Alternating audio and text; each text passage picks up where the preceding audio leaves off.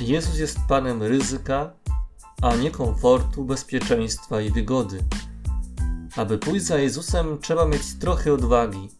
Trzeba zdecydować się na zamianę kanapy na parę butów, które pomogą ci chodzić po drogach, o jakich ci się nigdy nie śniło, ani nawet o jakich nie pomyślałeś. Papież Franciszek. Rzeczywiście wiara jest związana z ryzykiem. Jeżeli chcesz uwierzyć lub pogłębić swoją wiarę, to musisz zaryzykować. Nigdy nie będzie tak, że spróbuję uwierzyć na próbę. Wyobraźcie sobie kogoś, kto chciałby wejść na próbę na Mount Everest.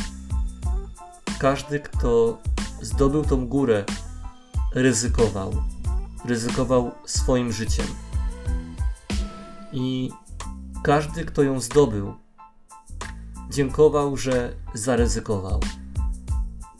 Myślę, że podobnie też jest z tą wiarą naszą, że boimy się zaryzykować, bo boimy się coś stracić. Stracić to, do czego byliśmy często mocno przywiązani.